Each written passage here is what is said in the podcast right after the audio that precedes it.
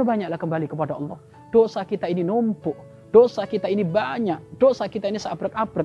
Apa yang pernah kita berbuat hampir semuanya dosa, dosa, dosa. Maka ayo, hal utama yang perlu kita lakukan sebelum kita mendapatkan ridho Allah, hendaknya kita kembali kepada Allah. Tobat dengan sebenar-benarnya kepada Allah Subhanahu wa taala.